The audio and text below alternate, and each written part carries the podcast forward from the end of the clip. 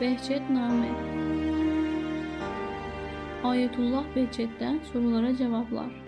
Hamit İslamcı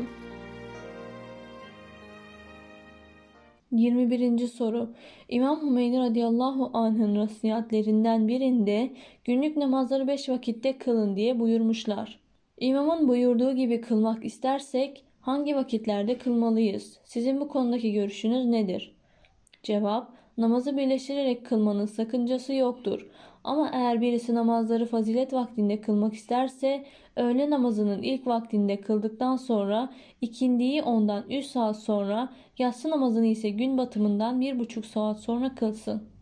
22. soru Allah'a daha yakın olabilmek için ne yapmak gerekir? Cevap amelde ve itikatta günahı terk etmek ve namazları ilk vaktinde kılmak, ulaşılacak güce makamlar bin yıllık bir mesafe dahi olsa insan için yeterlidir. 23. soru Karmaşık ve çözülmesi zor sıkıntılardan kurtulmak için ne yapmalıyız? Cevap Düzenli olarak Caferi Tayyar namazı kılmaya özen gösterin. Allah sizi muvaffak etsin. 24. soru İbadetten tat alabilmek için ne yapmalıyız? Cevap Namazdan tat alabilmek için namazdan önce ve namazın içinde bir takım hazırlıklara ihtiyaç vardır. Namazdan önce insanın yerine getirmesi gereken hazırlıklar insanın günahı terk etmesidir. Günah işlemek ruhun kirlenmesine, kalbin kararmasına sebep olur.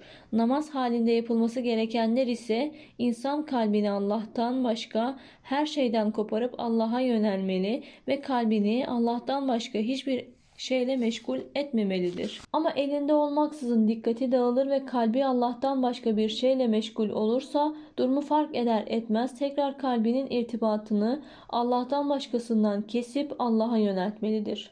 25. soru Namazı kalp huzuru ile kılabilmek için ne yapmalıyız? Cevap Namaz kılarken irtibatın korunabilmesi için Fatiha sure okunurken anlamlarına dikkat edin. 26. soru Namaz kılarken kendimizle kalp huzuru nasıl oluşturabiliriz? Cevap Kalp huzuru oluşmasındaki etkenlerden birisi 24 saatin tamamında gözümüzü, kulağımızı ve diğer uzuvlarımızı kontrol altına almaktır. Çünkü kalp huzurunun oluşması için gerekli hazırlıklar yerine getirilmelidir. O hazırlıklar ise gün içinde göz, kulak ve diğer uzuvlarınızı kontrol etmektir. Bu amel kalp huzurunun oluşmasına sebep olur. 27. soru. Lütfen namaz hakkında her zaman için kulağımıza küpe olacak kısa ve öz bir cümle buyurun. Cevap Peygamber Efendimiz sallallahu aleyhi ve aleyh ve ehl imamlarından aleyhisselamdan bize ulaşan değerli sözlerinden birinde namazın yüce makamı hakkında şöyle buyuruyorlar. Namaz müminin miracıdır. Bu sözün doğruluğuna inananlar bu yüce makamı istemede ısrarcı olsunlar ve doğruluğundan emin oldukları şeyleri terk etmesinler. 28. soru Neden bize ehli sünnet gibi namazda ellerimizi bağlamıyoruz? Cevap Hz. Resulullah sallallahu aleyhi ve aleyh ve imamlar Allah'ın selamı hepsinin üzerine olsun kesinlikle ellerini bağlayarak namaz kılmamışlardır. Ehli sünnetin dört büyük mezhebinden biri olan Malik de namazı eli açık kılıyordu. 29. soru Peki öyleyse neden diğer İslam fırkaları namazda ellerini bağlıyor? Cevap İranlı esirleri ikinci halifenin yanına getirdiklerinde İranlı esirler onun karşısında elleri bağlı olarak durduklarını görünce şöyle dedi. Allah karşısında böyle durulmaya daha layık olandır ve namazın eli bağlı kılınması için emir verdi. 30. soru İbadetlerde ve tüm işlerimizde ihlaslı olmayı unutmamak için ne yapmalıyız? Cevap, ibadetlerinizde ve geriye kalan tüm işlerinizde Allah'tan ve onun rızasından başka hiçbir şeyin karışmasına bilerek ve isteyerek izin vermeyin. Kurtuluşun tek yolu bundadır. 31. soru Riyaya düşmemek için ne yapmalıyız? Cevap Samimi bir kalp ile La havle ve la kuvvete illa billahil aliyyil azim zikrini çok tekrarlayın. 32. soru Bazen ibadetlerimde riya yapıyorum ve sonradan çok rahatsız oluyorum. Bunun tedavisi nedir? Cevap tedavisi şudur. Riya yapın ama padişah Allah ve dilencinin kulun huzurunda padişaha riya yapın. Eğer bu işin ehliysen ne demek istendiğini anlarsın. 33. soru Bazen insan tüm işlerinde ihlaslı olmak için karar alıyor ama şeytan vesveseleri insanı rahat bırakmıyor. Mesela meşhur olmak, insanlar tarafından beğenilmek, övülmek ve benzeri insan aklından geçiyor. Acaba bunları zihninden geçirmek de riya sayılır mı? Allah katında amellerimizi değersiz kılar mı? Cevap, riya ibadetleri batıl eder. Ama ibadetin dışındaki işlerde sakıncası yoktur. Ama bizzat riyanın kendisi, riyanın tedavisi olabilir. Şöyle ki, üstünde doğru düşünülerek riyanın seviyesi yükseltilsin. Mesela bir kişi emniyet müdürünün yanında saygınlık kazanıp onun gözüne girmeyi hedefliyor ve bu hedefine ulaşmak için herhangi bir polisin yanına giderek onunla samimiyet kurup daha sonra o polisi emniyet müdürü kendi arasında aracı ediyor. İşte tam da burada insanın kendi kendine şöyle demesi gerekir.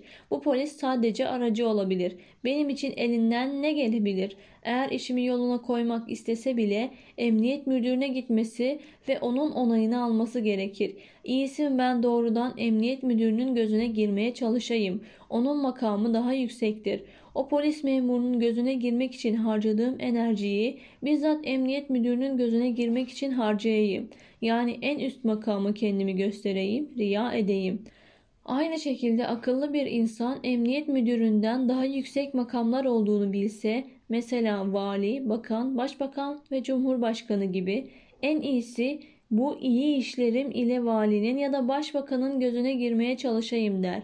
Bu işi en yüksek makama kadar böyle sürer gider.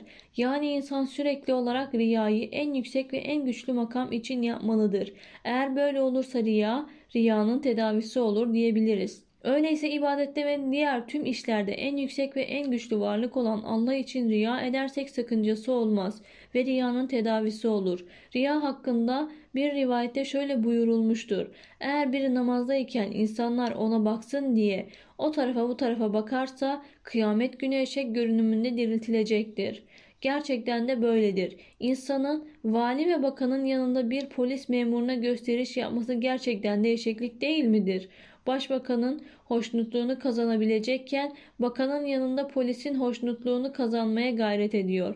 Bu eşekliktir. Ama bu eşeklik hoşumuza gidiyor ve onu kabullenmişiz. Ama birisi bize eşek diyecek olursa rahatsız oluruz. Rahatsız olana niye rahatsız oluyorsun? Senin gece gündüz işin budur. Eşeklik yapma demeliyiz. 34. soru. Bidat nerede gerçekleşir? Cevap Bidat ibadettedir. Ama hangi ibadette? Resulullah sallallahu aleyhi ve aleyhi zamanında ortaya çıkmış ve Resulullah sallallahu aleyhi ve sellemin yapmadığı ama bizim yaptığımız ya da o hazretin yaptığı ve bizim terk ettiğimiz ibadetlerdir. Her ikisi de bidat sayılır. Yani hem o hazretin yaptıklarını yapmamak hem de yapmadıklarını yapmak. Dinde olmayan bir şeyi dinlenmiş gibi yapmak ve dinden olan bir şeyi de dinden değilmiş gibi terk etmek. 35. soru Sabah duası sabah namazının nafilesinden sonra okunur yoksa sabah namazının farzından sonra mı okunur? Cevap sabah namazının farzından sonra okunması gereken dualardandır. 36. soru Namazda bana hayırlı bir eş vermesi için Allah'a dua edebilir miyim? Cevap Evet olabilir. İnsan namazda ellerini kaldırıp Allahümme rzuqni zevceten saliheten Allah'ım bana hayırlı bir eş nasip et ya da Allahümme erzukni veleden berren Allah'ım bana hayırlı bir evlat nasip et diyebilir.''